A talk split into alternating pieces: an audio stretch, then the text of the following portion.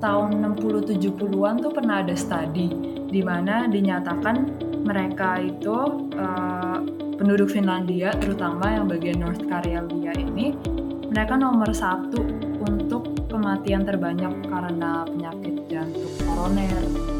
Jadi tuh setelah Perang Dunia II banyak veteran-veteran perang yang dikasih penghargaannya berupa tanah. Terus karena mereka nggak biasa bercocok tanam, gitu, jadi mereka lebih milih untuk beternak sapi, mengolah uh, susu sapi. Nah dari situ tuh butter karena olahan susu. Jadi mereka, jadi butter tuh jadi dipakai di segala jenis makanan. Kematian karena penyakit jantung koroner itu 700 per 100 ribu orang katanya Nah, tahun 2011 itu rate ini tuh udah turun sampai jadi 100 per 100 ribu.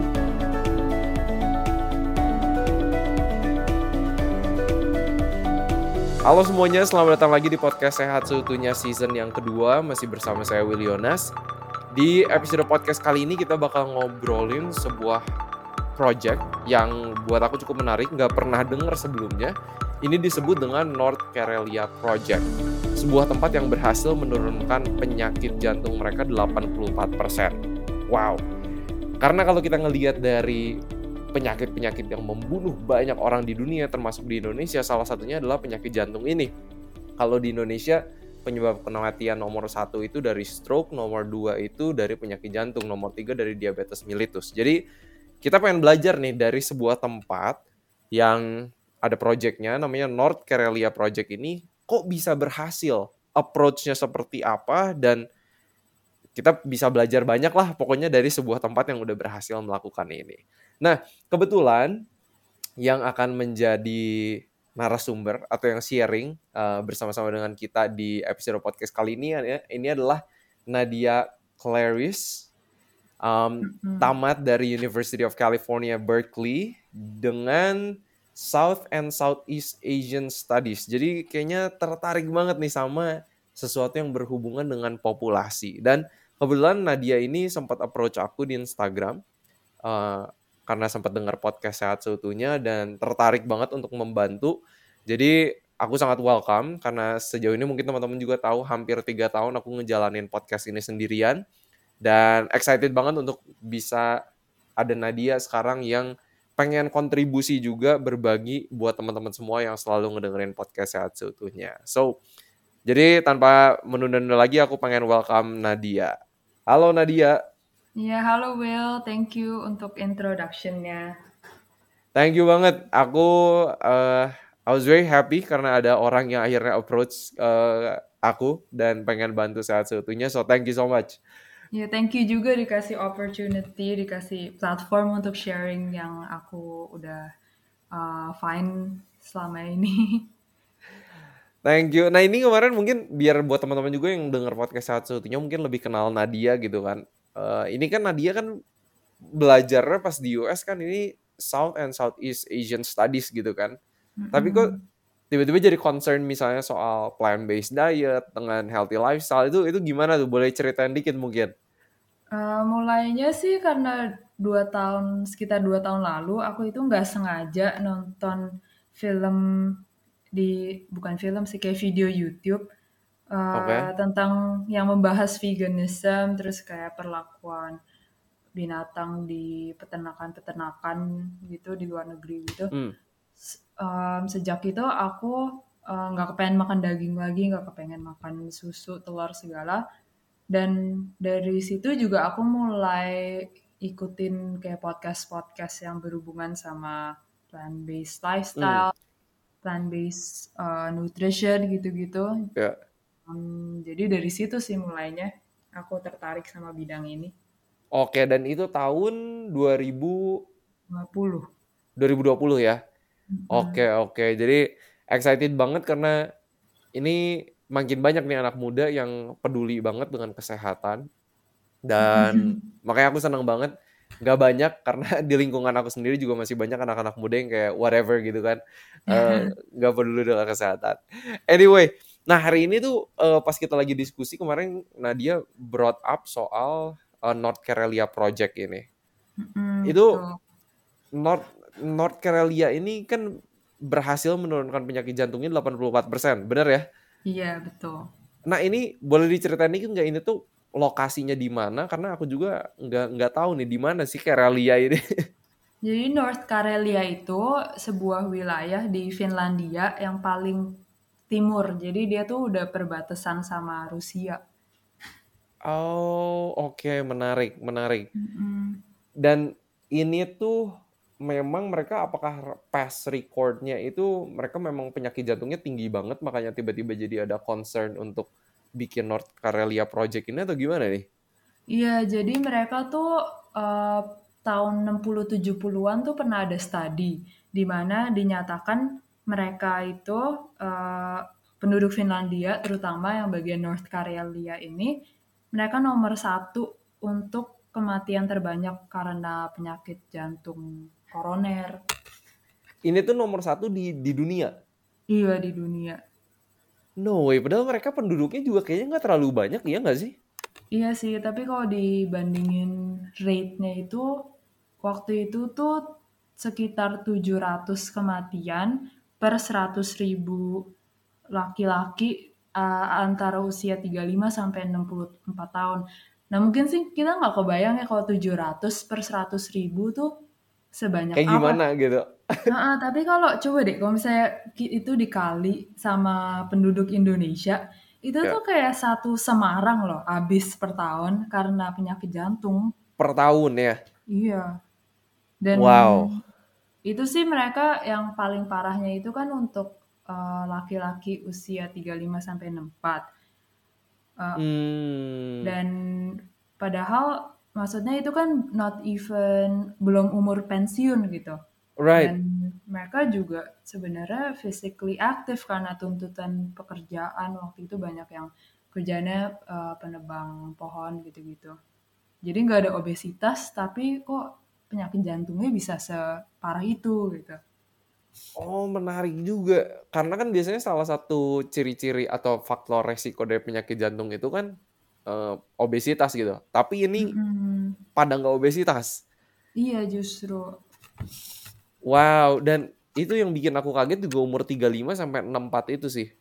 Karena Mm-mm. mungkin kan justru itu waktu-waktunya orang tuh lagi sukses ya di karir gitu kan. Atau punya bisnis lah. Kita Atau punya dari keluarga, baru punya keluarga gitu ya.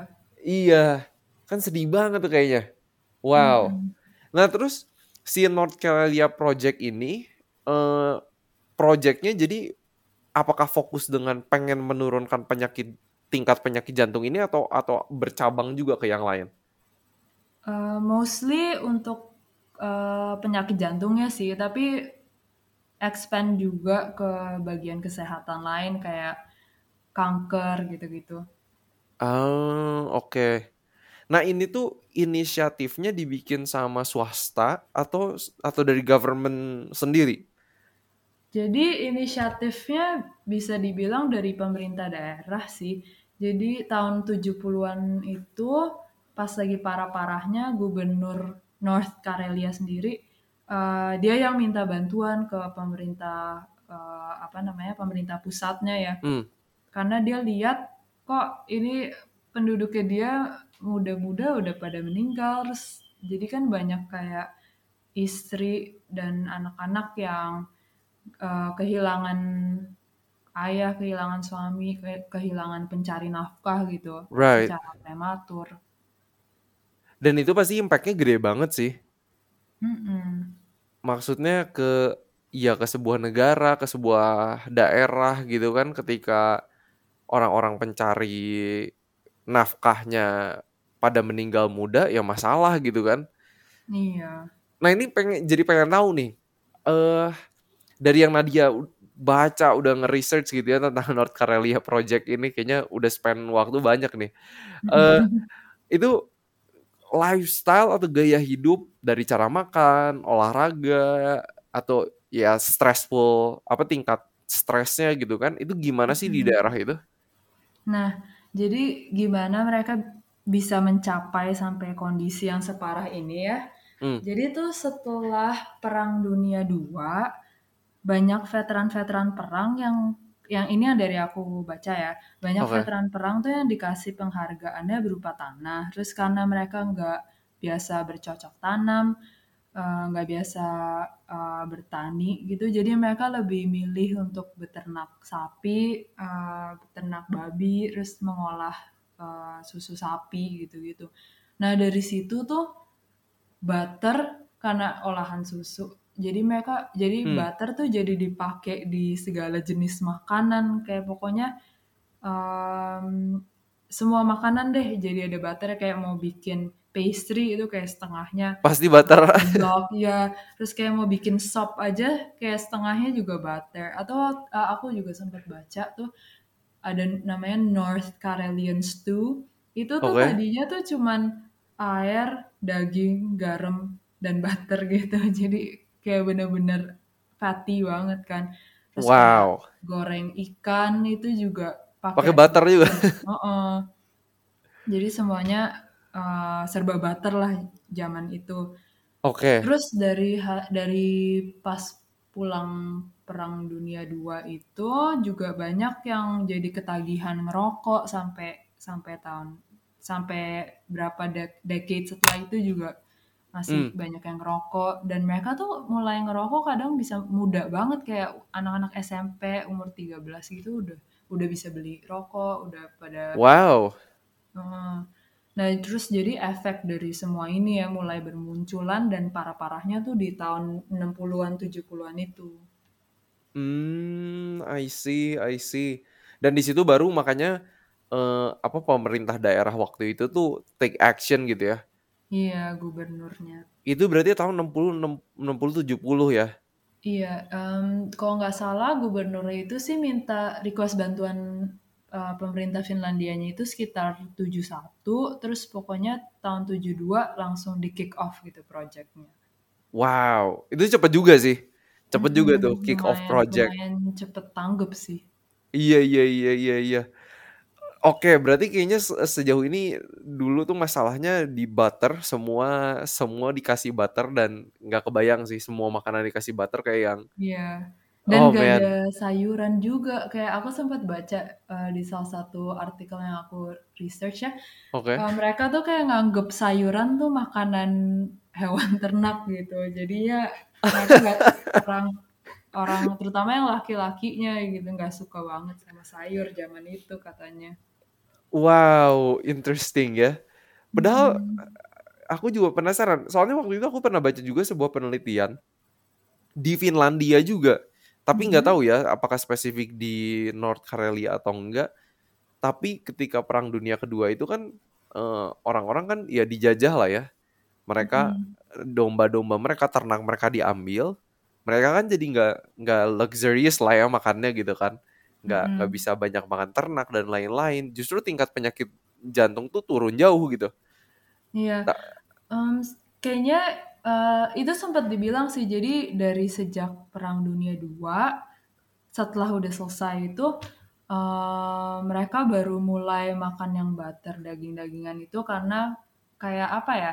Kayak selama se- perang dan sebelumnya itu kayak kekurangan makanan. Jadi ini hmm. kayak overcompensation gitu. Oh, nah ini menarik nih. Aku tuh mulai ngeliatnya kadang ada there is a danger in prosperity gitu. Eh iya. karena mereka udah nggak menderita gitu kan, udah nggak zaman perang, mereka kayak oke, mereka udah punya uang, bisa makan apa yang mereka pengen gitu kan. Dan Iya. ya salah satunya butter ini. Oh, dan ini juga yang menarik sih. Jadi karena mungkin karena bayang-bayang dari zaman itu ya yang kekurangan makanan Oh, gitu-gitu.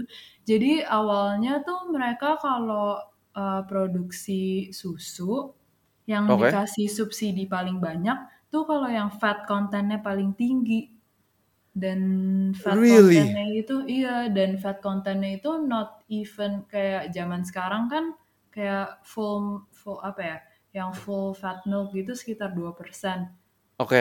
um, atau berapa ya aku lupa sih pokoknya yang zaman itu tuh mereka ada yang sampai tiga setengah persen kalau nggak salah Uh, Wow, justru yang full fat, yang food full fat milknya itu. iya jadi dua Interesting. dua persen tiga setengah eh dua 2% ke atas deh gitu, ada yang tiga setengah. Jadi itu yang kayak diberi penghargaan tuh kalau sapinya bisa ngehasilin susu yang bener-bener se-fatty itu gitu. Zaman itu. Wow, dan itu disubsidi. Menarik. Ini ini wow, menarik juga sih. Eee, bener-bener baru denger soal ini. Eee, yang ya itu sih ya, eee, policy atau, eee, hukum-hukum yang ada mengenai kebi ya kebijakan pemerintah mengenai subsidi-subsidi terutama bahan pangan kayak gitu, yang ngefek ke kesehatan masyarakat juga sih ya pastinya ya. Mhm. Berarti kan kayak di-support gitu kan. Iya. Nah itu tapi selain selain dari butter sama rokok ya kira-kira ada aspek lain lagi nggak sih yang yang sangat mempengaruhi tingkat penyakit jantung mereka yang sangat tinggi? Mmm, banyak makan daging sih mereka dan dagingnya juga nggak pernah yang lean meat gitu. Kayak jarang banget yang lean meat waktu itu dan yang pasti nggak makan sayur itu, yang dari yang aku baca mereka kayak anti sayur banget zaman itu. Wow, kayaknya. Buah-buahan juga jarang. Tapi apakah itu juga karena ini nggak ya, karena karena iklim di mereka nggak ya? Kalau mereka udah deket Rusia berarti dingin dingin banget juga kan ya? Iya, nah jadi tuh, mmm, mereka cuman bisa kayak harvest blue eee, berries-berries gitu dan mereka tuh sebenarnya kaya sekali dengan berries, kayak macem-macem banget. Kalau di sini kan Wow. mungkin cuman kayak blueberries, strawberries, Iya. eee, dan itu pun mahal kan kalau Banget. sini. Iya. Kalau di sana tuh macem-macem banget, ada lingonberry, gooseberry, banyaknya aku nggak pernah dengar malah. Tapi Wow. masalahnya mereka cuman bisa harvest ini selama summer. Nah yang yang menurut aku, eee, lumayan kayak so simple tapi, eee, keren juga sih tindakannya. Jadi pas project-nya dimulai, itu Heeh. merek mmm, apa namanya, mmm, dokter yang ditunjuk untuk mengepalai project ini tuh salah satu tindakan utamanya dia, kayak establishments-establishments yang jualan, eee, buah-buahan, sayuran, itu dia support untuk mengadakan freezer. Freezer yang gede ya kalau harusnya kalau di Oh. Jadi mereka sejak itu bisa, eee, simpen berries-nya dan bisa jual all year eee, all year round gitu. Jadi orang-orangnya bisa beli kapan aja dan sebenarnya tuh penduduknya lumayan suka kalau buah-buahannya mereka sendiri gitu. Soalnya mereka eee, soalnya dokternya juga sempet kepikir kalau mereka mau import, kalau selama winter mereka mau import, eee, buah-buahan dari negara-negara yang lebih di selatan ya kayak Mediterranean countries, itu kan jadi mahal banget ya kalau harus import terus gitu. Bener. Man, itu gokil banget sih sebenarnya kalau negara Mhm. mereka kaya akan berries, aduh, itu justru one of the best fruit sih, kalau menurut Iya. aku ya. A I mean Iya. antioksidannya, terus Iya, aku tuh juga sempet anthocyanin Iya. I mean kita ya di Indonesia kita yang kayak, "Oh man gitu, berries mahal banget," gitu kan. Iya. Tapi mungkin mereka nggak punya ini ya, kayak pepaya kayak kita gitu. Ya mungkin mungkin, eee, Buah-buah itu tropis yang UB40. ya identical sama tropis kan tropical countries lah ya. Iya. Wow, menarik nih. Eee, oke, itu tadi kita udah dengerin tuh teman-teman yang lagi denger podcast ini konteksnya, beberapa penyebab yang bisa meningkatkan penyakit jantung sangat signifikan, eee, dan di usia-usia yang cukup muda di Finlandia ini, dari butter, dari rokok, dari konsumsi daging, dan nggak suka sayur, eee, Mhm. terutama itu ya. Eee, Mhm. ini pengen ngomong kesuksesannya nih. Eee, Mhm. sekarang kan terkenalnya, wah bisa nurunin tingkat penyakit jantung 84% gitu. Itu Mhm. tuh berapa lama tuh sampai mereka akhirnya bisa sampai ke titik itu? Jadi, mmm, 5 tahun pertama itu kan project-nya cuman di North Karelia aja ya karena cum eee, karena Oke. mesti eksperimen lah dengan project-nya. Iya. Nah tapi mereka mulai lihat kayak indikator-indikator kolesterol, tensi, gitu-gitu mulai Mmm. turun. Jadi setelah 5 tahun, itu mereka nas menasionalisasikan proyeknya ke seluruh Finlandia dan yang 84% angka 84% ini diambil dari di, dibandingin dari tahun 72 sampai uh, tinjauan terakhir itu tahun 2012. Wow. 30 eh 40 ya? Iya, 40 tahun. Man. Wow. Aku masih nggak kebayang sih nge ngejalanin sebuah project 40 tahun gitu. Kayaknya Actually, projectnya sendiri sih officially berakhir di tahun 97 sih. Oh really? Iya, jadi 25 tahun lah. Sampai karena karena udah established gitu ya, maksudnya karena kayaknya policy-policy yang dibikin gitu kayaknya udah Kayak udah oke okay ya. Implementasi, jadi mungkin resourcesnya mereka gunakan buat hal lain kali ya. Mungkin. Wow, 25 tahun ya. Iya. Aku aja aku aja ngejalanin program diabetes di Rumah Sakit Advent Bandung tuh udah dua tahun sekarang. Wow, uh, itu lama juga sih. Lumayan, tapi tapi suka mikir ya kadang wah dua tahun lama juga tapi kalau dipikir-pikir kok cepet juga gitu bingung juga sih karena kayak karena aku menikmatinya gitu kan cuman ya nggak kepikiran sih kalau 25 tahun kayak wow that's pretty long Iya makanya yang yang uh, dokter yang ditunjuknya itu dia yeah. dari umur 27 muda wow. banget. Sekarang tuh udah jadi opa-opa. jadi emang dia dipilihnya tuh karena uh, dia muda sih dan yang senior seniornya tahu uh, itu tahu kalau uh, project ini tuh bakal makan waktu yang lama makanya mereka milih someone yang muda banget. Wow itu tapi gokil juga sih.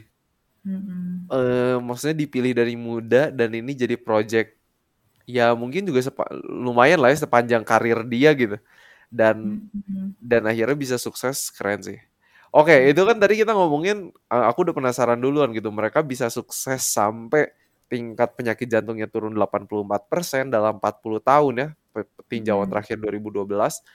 Uh, sekarang pengen tahu caranya. Uh, oh, mungkin aku kalau boleh uh, jabarin dulu aja kali ya yang kesuksesannya tuh apa aja selain yes. uh, yang jantung. Boleh, Jadi, boleh.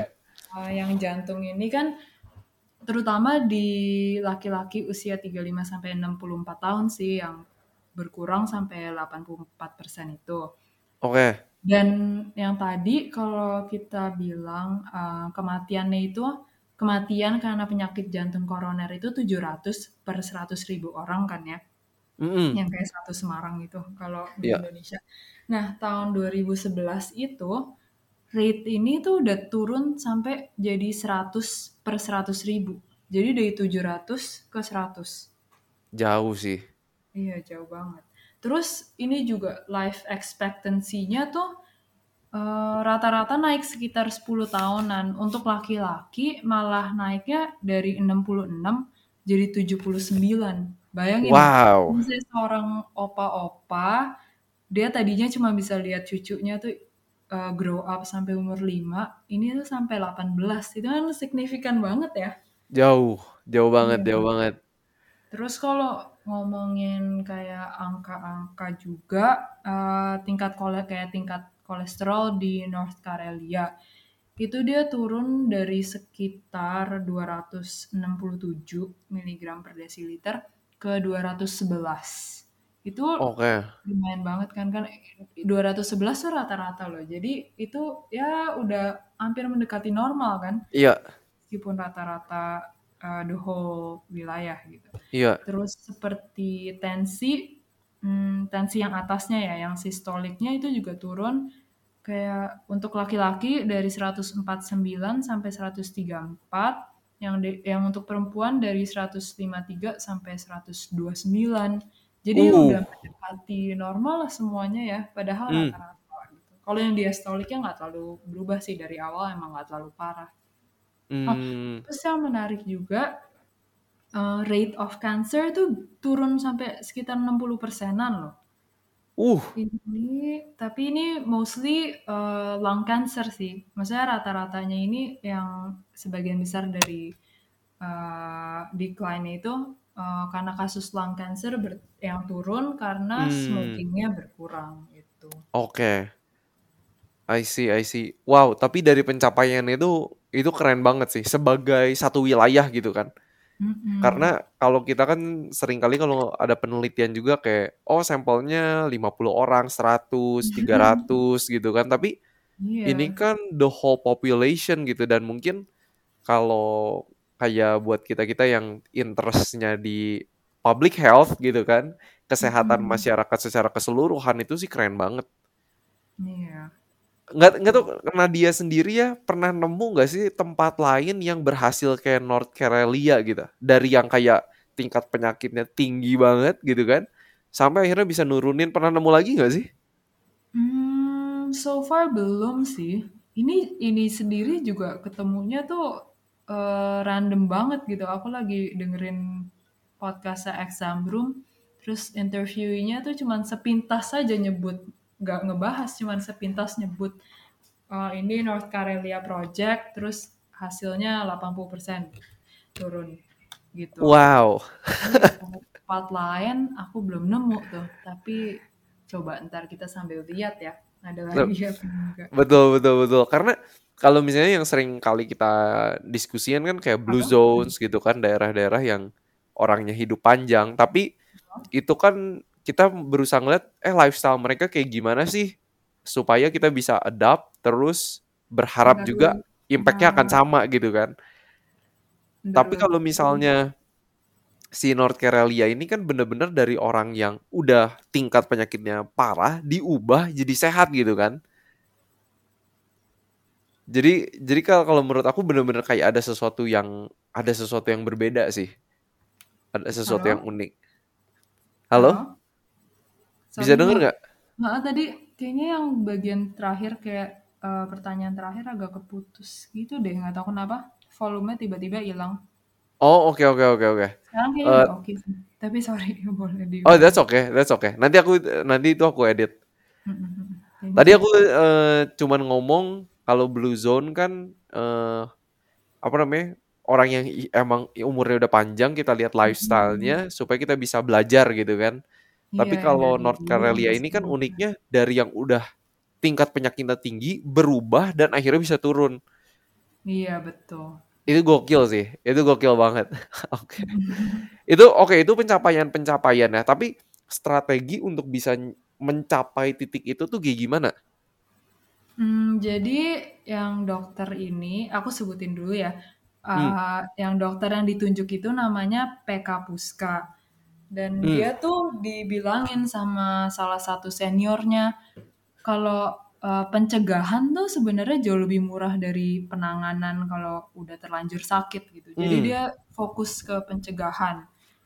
Terus dia zaman itu tuh ada research yang kayak lumayan heboh itu uh, oleh uh, Ansel Keys itu mereka bandingin Oh, pernah dengar ya? yes. Ya.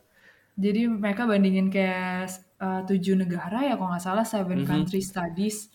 Waktu itu yang paling sehat tuh orang-orang Yunani Hmm. dan yang paling parah itu orang Finlandia. Nah jadi uh, dia mulai dia mm, berdasar dengan penelitian itu juga dan penelitian lain-lain prinsipnya tuh mau nurunin kolesterol, tensi dan tingkat merokok dulu.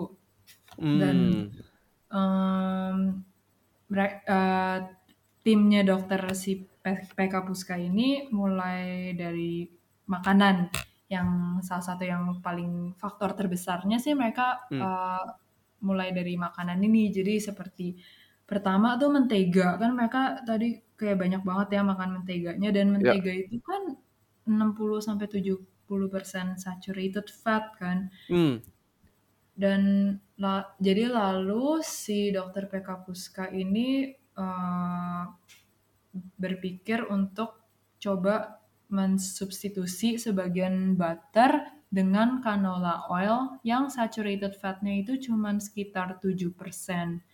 Hmm, Dan udah jauh banget lebih rendah itu juga. ya jauh banget. Dan eh, yang kerennya juga tuh ilmuwan-ilmuwan Finlandia mereka eh, disuruh dan akhirnya berhasil mengembangkan rapeseed eh, bibit rapeseednya yang untuk bikin jadi canola plant itu, Hmm. uh, mereka disuruh kembangin bibit yang tahan dingin, jadi mereka bisa nanam sendiri di Finlandia.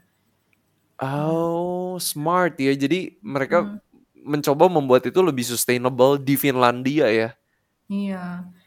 Dan juga uh, mungkin orang nggak nggak terlalu biasa kali ya kalau kalau langsung berubah dari mentega jadi jadi oil gitu. Iya, Jadi pasti banyak beda juga tuh. Heeh, jadi banyak butternya yang mereka campur sama canola oilnya jadi soft butters gitu. Ya masih ada butternya sih, Hmm. tapi mendingan lah ya. Jadi Ya. saturated fatnya berkurang dan bentuknya masih kayak butter gitu. Um, Hmm. lalu untuk berries yang tadi aku bilang itu ya mereka Ya. kayak banyak support um, toko-toko untuk bisa punya freezer. Jadi bis, penduduk bisa beli buah-buahan kapan aja. Hmm. Terus uh, susu nih yang tadinya kan yang mereka subsidi itu yang tingkat yang fat kontennya paling tinggi ya. Ya. Ini mereka ubah jadi yang disubsidi itu yang protein kontennya paling tinggi. Jadi um, jadi Oh. s- mereka lebih disuruh untuk produksi susu yang low fat apa yang skim malah gitu. Dan dari farmers juga disuruh uh, apa ya mengalokasikan sebagian dari tanahnya tuh untuk nanam berries. Hmm, I see. Hmm, Jadi memang ter- di encourage dan juga disupport sama pemerintah ya. Iya banget. Awalnya sih ada perlawanan sih, Hmm. tapi ya akhir pada akhirnya kayak dairy industry-nya ya ya nurut akhirnya nurut juga. Terus mungkin mereka lihat kayak berries-nya ah, laku juga sih, jadi mereka nggak masalah gitu. Disuruh nanam Hmm. berries. Terus ada juga sosis. Oh, mereka tuh yang bikin parah juga banyak processed foods kayak sosis gitu-gitu. Terus sodium Hmm. sodium di processed food gitu kan tinggi ya. Nah ini mereka eh, sausage industry-nya tuh disuruh tambahin wild mushrooms. Jadi sebagian dagingnya tuh di, disubstitusi sama wild mushrooms yang di Finlandia juga banyak. Oh, banyak Terus jamur emang di Finlandia Iya, itu sendiri. heeh, jadi kayak banyak wild blueberries, wild mushrooms gitu-gitu. Jadi Menarik ya. eh, terus eh, filler sosisnya disuruh eh, ganti sama mushroom sebagian dan orang don't even realize it gitu. Biasa-biasa aja gitu ya. malah malah katanya tambah enak atau something. Aku baca pasti itu subjektif apa enggak. Right, right. Terus um, sausage industry suruh kurangin sodiumnya juga.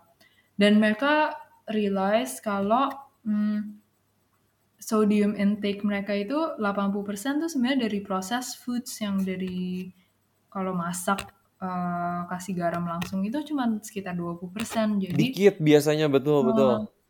Iya, jadi pabrik makanan disuruh kurangin sodiumnya dan mereka juga mengembangkan sodium eh garam baru yang Oke. sebagian sodiumnya tuh diganti sama magnesium. Hmm, menarik. Mhm.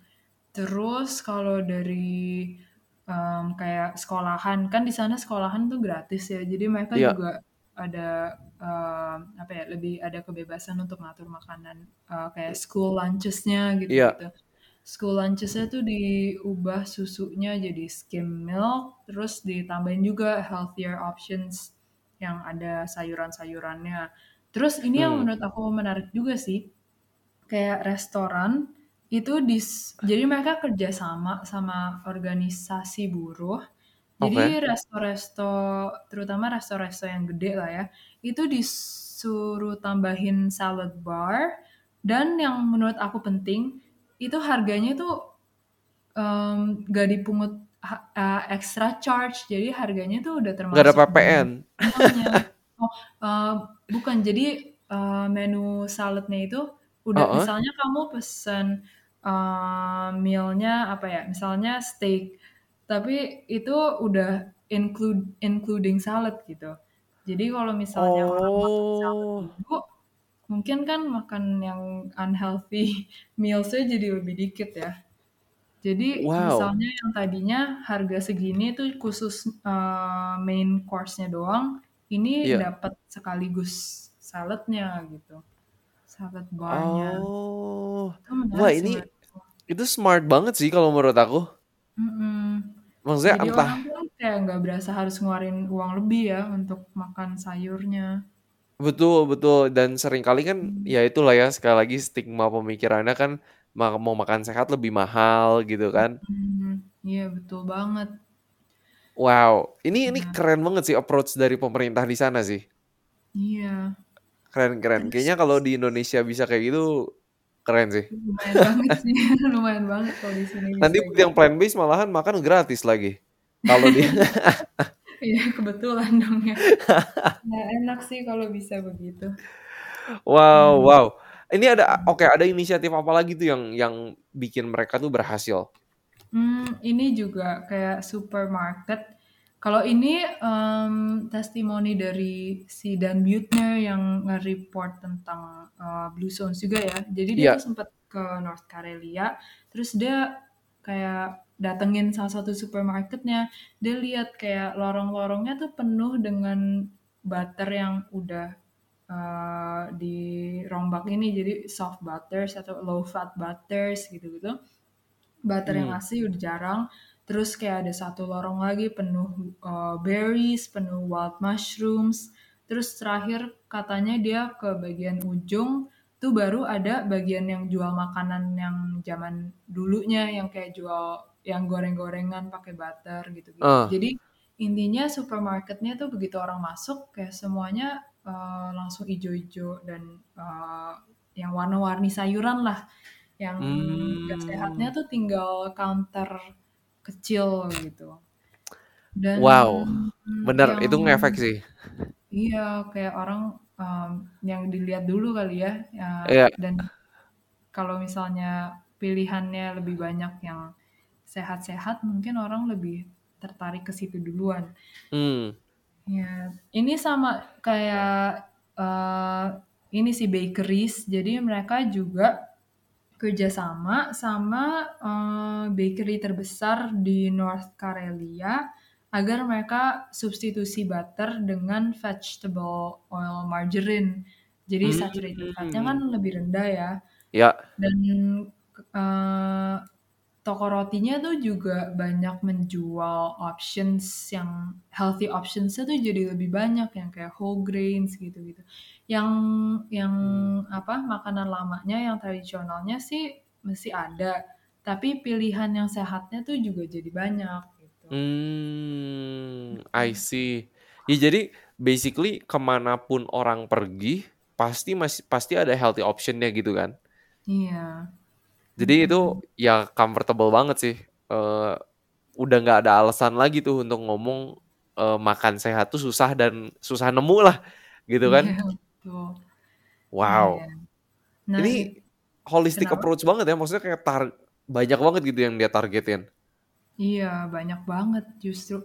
Dan dia tuh prinsipnya kayak bikin um, orang berubah tanpa harus sacrifice anything gitu. Dia kepengen bikin Hmm. perubahan-perubahan ini tuh semudah mungkin bagi orang lain, bagi Hmm. penduduknya gitu. Right, man, itu keren sih. Hmm. Itu keren sih. Iya, nah itu kan kalau dari segi makanan ya. Hmm. Lalu yang menurut aku eh, menarik juga itu mereka bilang kalau peranan wanita tuh penting banget di project ini. Jadi kayak ada mobilisasi wanita lah. Oke. Eh, jadi karena banyak em, victimsnya kan yang laki-laki ya, yang umurnya masih muda-muda, yang suami Dibandingin perempuan ya. Mm-mm. Oke. Jadi kan istri-istrinya pada khawatir kan. Iya. Jadi mereka mulai approach ini ada satu organisasi namanya Marta itu seperti himpunan istri-istri petani lah gitu Oke. atau peternak. Dan ini membernya tuh banyak banget. Jadi rata-rata wanita yang em- emang istri petani emang ikut organisasi itu. Jadi lumayan aktif. Nah, terus mereka ngajarin organisasi ini untuk ngajarin lagi ke istri-istri ini gimana cara masak yang lebih dengan lebih baik sayuran. Kayak mereka mereka tuh Hmm. ngajarinnya pinter sih. Jadi kayak um, menunya dibiarinin tetap sama aja, tapi misalnya dagingnya sebagian disubstitusi dengan kentang, wortel, atau kayak lobak Swedia gitu. Oke. Um, jadi uh, nggak terlalu berasa perubahan banget ya. Maksudnya di, Hmm. apa dishnya masih sama, cuman sebagian dagingnya disubstitusi. Itu permulaannya begitu. Terus Hmm. kayak yang lucu juga, istrinya tuh um, mau suaminya mulai minum uh, susu sapi yang lebih low fat kan. Jadi mereka Aha. banyak yang kayak diem-diem tuh nyampurin susu yang yang full fat sama yang skim milk gitu. Tapi kan karena tiap hari pelan-pelan dicampur gitu Iya. suaminya nggak berasa. Jadi eh tiba-tiba udah minumnya skim milk dan nggak nggak nyadar gitu. Wow. Ya. Ini keren sih maksudnya dan dan aku benar-benar percaya peran ibu itu sebenarnya atau perempuan tuh besar banget sebenarnya untuk Mm-mm. untuk kesehatan karena ya ibu yang nyiapin makan, masak atau apa gitu Mm-mm. kan. Iya dan Eh, yang orang-orang yang mengepalai proyek ini tuh mereka menyadari hal ini ya dari awal jadi hmm, um, mereka fokusnya ke situ dan juga mereka lihat kayak di tiap kota tuh ada orang-orang yang apa ya kayak pentolan dari tiap uh, daerah masing-masing oke. jadi mereka sebutnya sih lay ambassadors. Mereka lihat misalnya orang-orang ini yang yang penduduknya banyak dengerin, banyak ngikutin uh, advice-nya gitu-gitu. Ini mereka Oke. mereka rekrut dan mereka kasih pelatihan biar uh, mereka mau menghimbau, menasehati kayak dan mengajak teman-temannya untuk mulai mengikuti lifestyle yang lebih sehat. Ini lucu sih kayak menurut aku ini tuh kayak apa ya kayak influencer tapi yang original gitu. Right, right. Original influencers kayak zaman dulu gak sih? Iya, bener-bener bukan kayak di sosial media sekarang yang ya beda lah ya. This is true influencer in their community gitu. Iya. Ini lucu sih. Terus mereka juga ini sih, mereka juga banyak turun langsung ke gereja, sekolahan, uh, local clubs, komunitas gitu-gitu, kasih Hmm. banyak presentasi lah. Dan um, mereka coba memulai diskusi tentang pentingnya membina kesehatan gitu-gitu.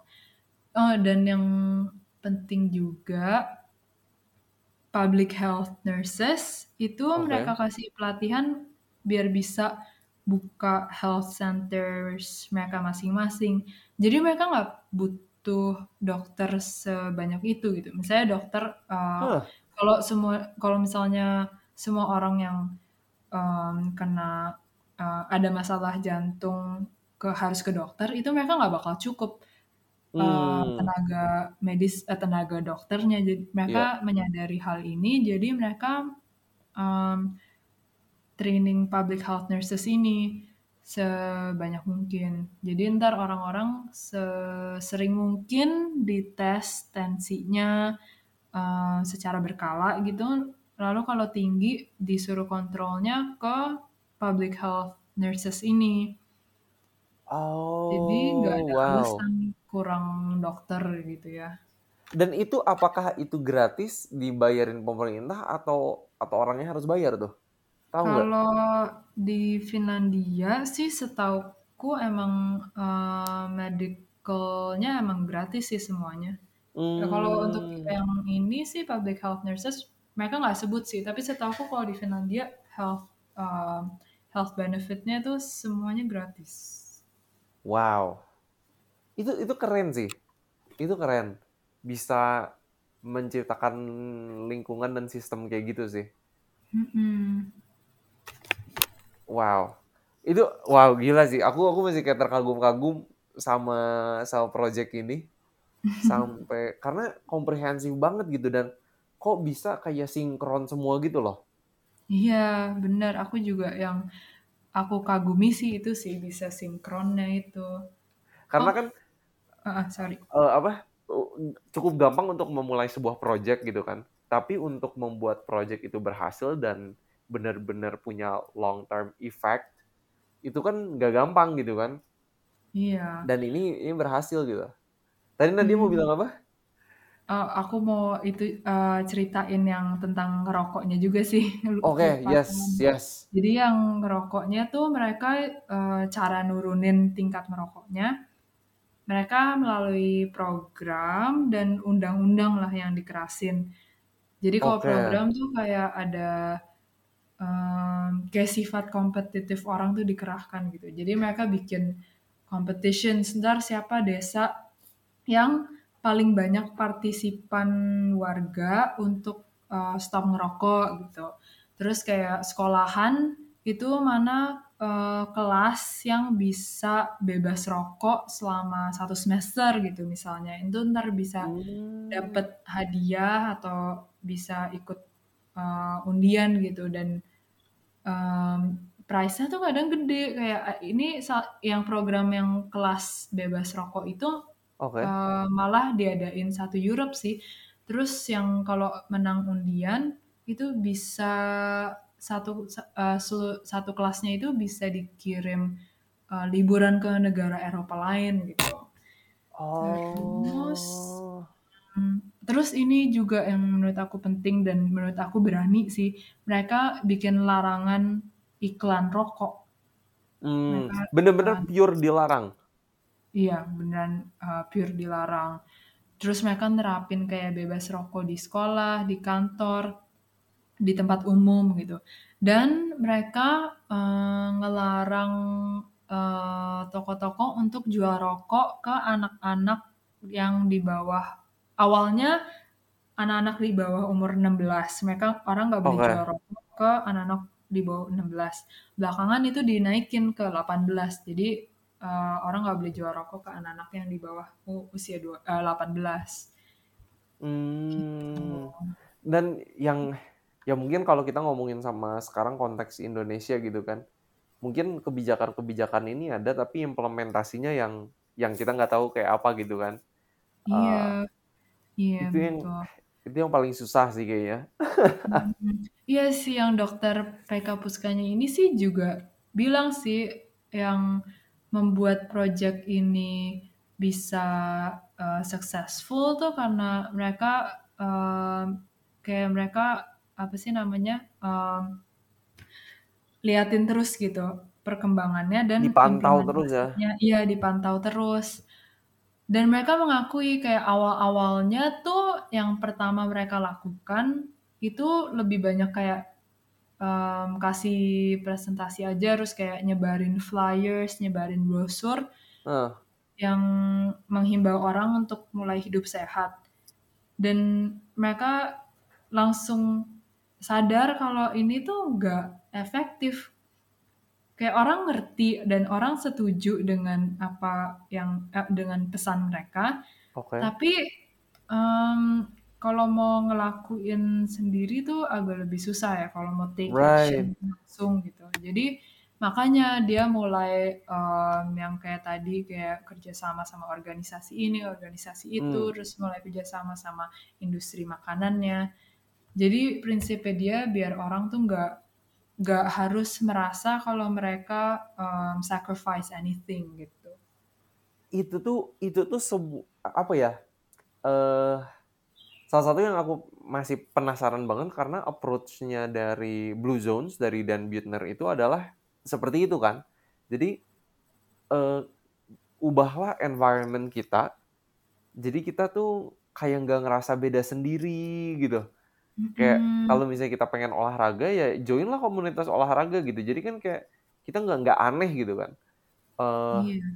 Itu itu menarik sih buat aku karena mungkin approach-nya kadang tuh sekarang kayak oh ya pokoknya kita harus in charge of our own health. Yes, it's true, bener tapi kita tuh bakal jadi beda sendiri gitu kan ya mungkin mm-hmm. kalau beberapa personality orang kayak aduh gue nggak nyaman nih misalnya jadi beda sendiri gitu kan ngerepotin Mhm. orang, gue makan plant based sekarang sendiri tiap kali mau nyari tempat makan sama temen kayak rasanya nggak enak gitu atau gimana kan? Iya, Eh, pengalaman pribadi ya. Pengalaman pribadi semua vegans. right.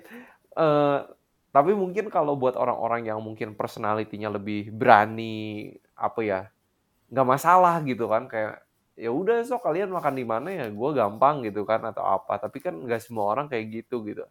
Jadi ini approach-nya North Carolina menarik sih, Eh, membuat lingkungan yang apa ya perubahannya smooth, tidak membuat orang tuh merasa eh, gaya hidupnya jadi totally new 180% opposite tapi pelan-pelan aja gitu kan ubah apa berubahnya gitu ya. Iya, kayak yang dokter PK Puska itu bilang, em, kita tuh harus bikin lingkungannya kondusif dulu gitu untuk Hmm. menjalankan gaya hidup sehat biar orang bisa berubah. Gitu. Man, so true. Oke, tadi kita udah denger eh, approach-nya berarti banyak ya dari dari inisiatif eh, butter itu eh, Mhm. jadi dicampur dengan canola oil yang saturated fatnya lebih sedikit dari school lunches eh, opsi-opsi makanan sehatnya ditambah juga udah gitu dari restoran-restoran tadi udah include sama salad sama sayur gitu dari supermarket terus inisiatif dari tadi yang nurses Eh, local public health nurses ya Mhm. nah tapi penasaran juga ada nggak sih inisiatif yang dilakukan oleh North Carolina Project ini tapi gagal Hmm, kalau dari jadi aku dengerin interview salah satu interview dokter PK Puska ini juga ya oke kemarin ini di YouTube. Nah dia sih yang uh, menurut dia kurang berhasil yang tadi itu sih yang kayak nyebarin informasi aja, yang nyebarin brosur, nyebarin flyer, karena um, emang mereka lihat uh, kurang ada action dari sisi yang nerima. Misalnya informasinya tuh well received, Iya tapi um, kurang apa ya? Ada harus ada step berikutnya yang menggerakkan orangnya itu yang missing kalau uh, mereka cuma fokus di penyebaran informasi gitu. man dan itu tuh apa ya mungkin karena aku juga selalu udah pas di US di Indonesia gitu kan kerja ya udah membantu orang untuk punya uh, healthy lifestyle lah ya Eh, Mhm. penasarannya tuh selalu gimana caranya membuat orang yang udah ngerti tapi untuk melakukannya gitu Mhm. karena it's a different thing kan kayak kita membuat Iya. orang understand it's one thing eh, tapi untuk mem- membuat mereka mau melakukannya enjoy melakukannya itu tantangan yang berikutnya gitu kan. Iya betul banget. oh man. Eh tapi aku penasaran sih apa yang kita bisa bikin ya di Indonesia sampai benar-benar efektif sampai bisa kayak North Carolina Project ini gitu. Karena sedih juga gitu ngelihat mungkin ya dari riset kesehatan dasar di Indonesia dari tahun eh, 2013 2018 terakhir eh, semua tingkat penyakit tuh naik gitu Mhm. Eh, penyakit kronis lah ya terutama dari tingkat obesitas diabetes apa semua tuh naik gitu jadi kan Indonesia ini ya makin sakit lah ya kasarnya gitu Iya, nggak makin betul. sehat Eh, kira-kira nih ya menurut Nadia sendiri kira-kira dari North Carolina Project ini kan nih ini macam-macam juga nih yang denger podcast sehat satunya Eh, kebetulan ada yang beberapa approach aku juga ada yang dokter ada Hmm. yang uh, public health ada juga yang di uh, ahli gizi ada juga yang masyarakat biasa gitu kan Mhm. nah ini kira-kira kalau menurut Nadia ya apa yang bisa kita lakukan nih uh, di Indonesia pembelajaran dari North Carolina Project Hmm, kalau di Indonesia emang sih penduduknya jauh lebih gede ya, jadi emang lebih sulit kayak berapa puluh kalinya Finlandia. ya Tapi em, menurut aku sih yang yang salah satu yang penting tuh yang kayak tadi sih kayak layoutnya supermarketnya itu penting untuk ya mengubah em, persepsi orang atau eh, menarik orang yang mana yang dibeli duluan. Kayak kan biasanya kalau em, jurusan tuh ada itu ya urban planning apa tata kota itu kan Iya. gimana biar tata eh, biar eh, apa namanya satu kota bisa sefunctional mungkin yang gedung ini di mana gini. Menurut aku kayak harus ada itu juga deh jurusan tata supermarket atau tata pasar gitu yang bisa Right. ngatur ini yang mana uh, healthy foods yang taruh di mana biar lebih efektif untuk dibeli orang. Hmm. Dan aku pikir juga um, mungkin uh, pemerintah ini agak susah sih, tapi maksudnya pemerintah harus emang harus berani ngimplementasiin kayak pajak gitu-gitu. Iya. Kayak dan harus transparan sih pajaknya tuh mau digunakan untuk upaya preventif apa gitu. Hmm. Misalnya kayak misalnya mau uh, nambahin pajak rokok ini harus di harus jelas gitu. Ntar hasil income dari pajak itu tuh mau digunakan untuk program pencegahan um, merokok apa gitu.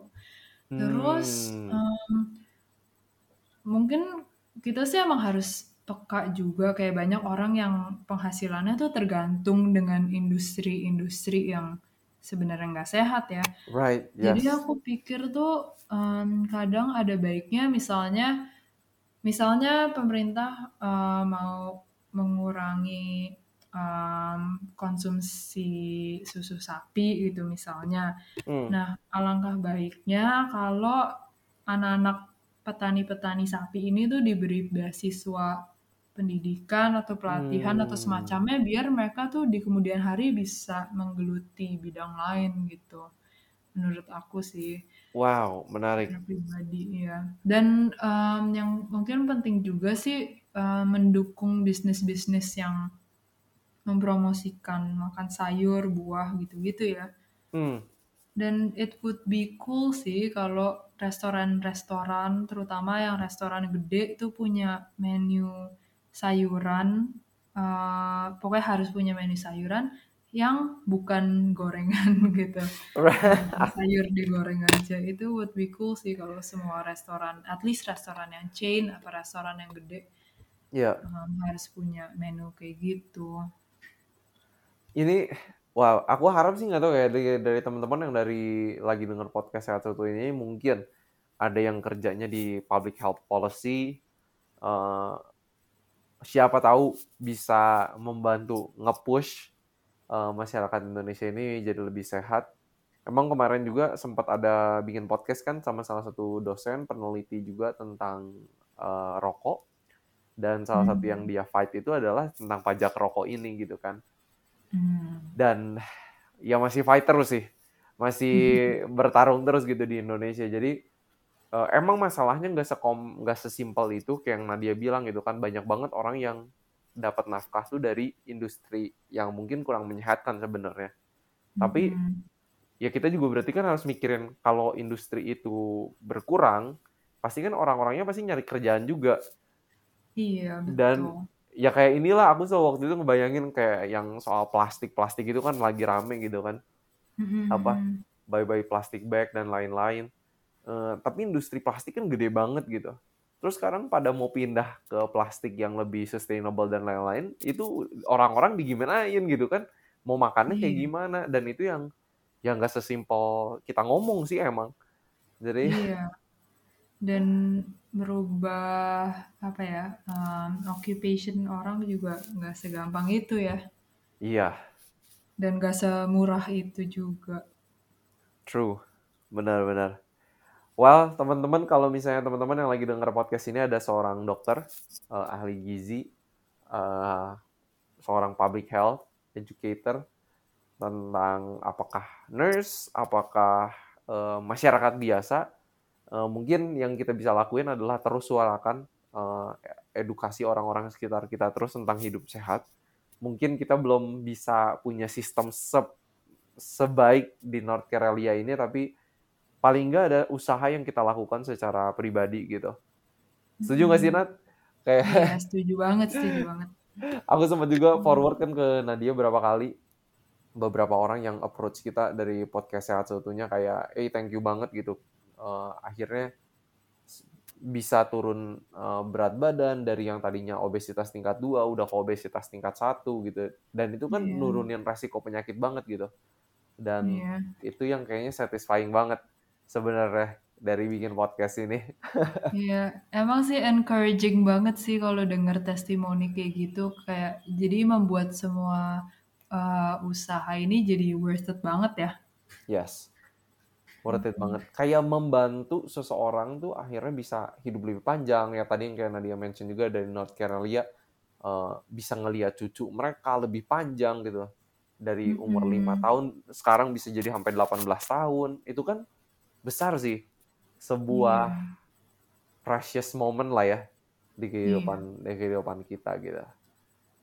Wow, hmm. ini semoga buat teman-teman udah menjadi pembelajaran yang baik banget. Salah satu take away yang aku dapat juga dari North Carolina Project ini adalah terkadang kita pikir healthy lifestyle itu kita harus lakuinnya perfect semua gitu.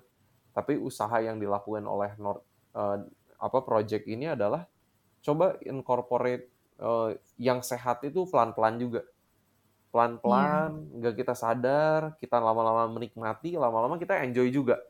Jadi hmm. jangan tunggu perfect dulu baru benar-benar mau berubah. Uh, don't let perfection be the enemy of progression. Itu selalu yeah. kalimat yang aku aku mention. Dari Nadia kira-kira ada ada pesan-pesan nih buat buat teman-teman yang lagi denger podcast? Hmm, mungkin ini sih, maksudnya uh, eh mungkin ini kayak North Karelia Project ini sebenarnya yang kayak tadi Willy bilang juga jadi mereka tuh mengakui ini belum eh, nggak uh, perfect, tapi um, emang ada kemajuan karena dari faktor-faktor kecil yang kalau dijalankan bersama tuh um, jadi bisa jadi efektif ya, jadi kemajuan bersama hmm. Dan right. iya, uh, mungkin ini juga sih kalau ada orang yang kayak kepengen lihat slides um, dan sumber-sumber yang aku pakai untuk research itu boleh banget please reach out Yes, please reach out ke kita. Uh, bisa reach out ke aku di Instagram @willionas atau @setuhnya kalau di Instagram. Kalau Instagram Nadia sendiri apa nih? Uh, at Jakarta Vegan Girl. Oke, okay, at Jakarta Vegan Girl. Ini uh, sebuah platform yang Nadia bikin juga ya? Oke, oke, oke. Mostly untuk makanan sih. Oke. Okay. Jadi kita more than happy teman-teman buat yang pengen tahu lebih banyak. Jadi kita bisa uh, sharing juga, bener-bener teman-teman juga tahu nih resources yang kita share itu dari mana. Dan teman-teman kalau mau baca lebih lanjut silahkan, silahkan. Jadi seperti biasa nih teman-teman, thank you banget Nadia udah sharing. Nanti juga ada beberapa serian selanjutnya mengenai Blue Zone kita udah rencanain uh, dan beberapa lainnya juga. Jadi teman-teman stay stay tune terus di podcast sehat seutuhnya. Kalau teman-teman merasa terberkati, feel free untuk share ini ke teman-teman kalian, orang-orang yang kalian cintai, kasihi di Instagram story kalian supaya lebih banyak juga orang-orang sekitar kita yang lebih aware sama kesehatan. Lebih banyak makan sayur buah, olahraga secara rutin, kontrol stres, dan juga istirahat yang cukup. Penting banget buat kesehatan kita semua. Jadi seperti biasa teman-teman, harapan saya semoga kita sehat seutuhnya.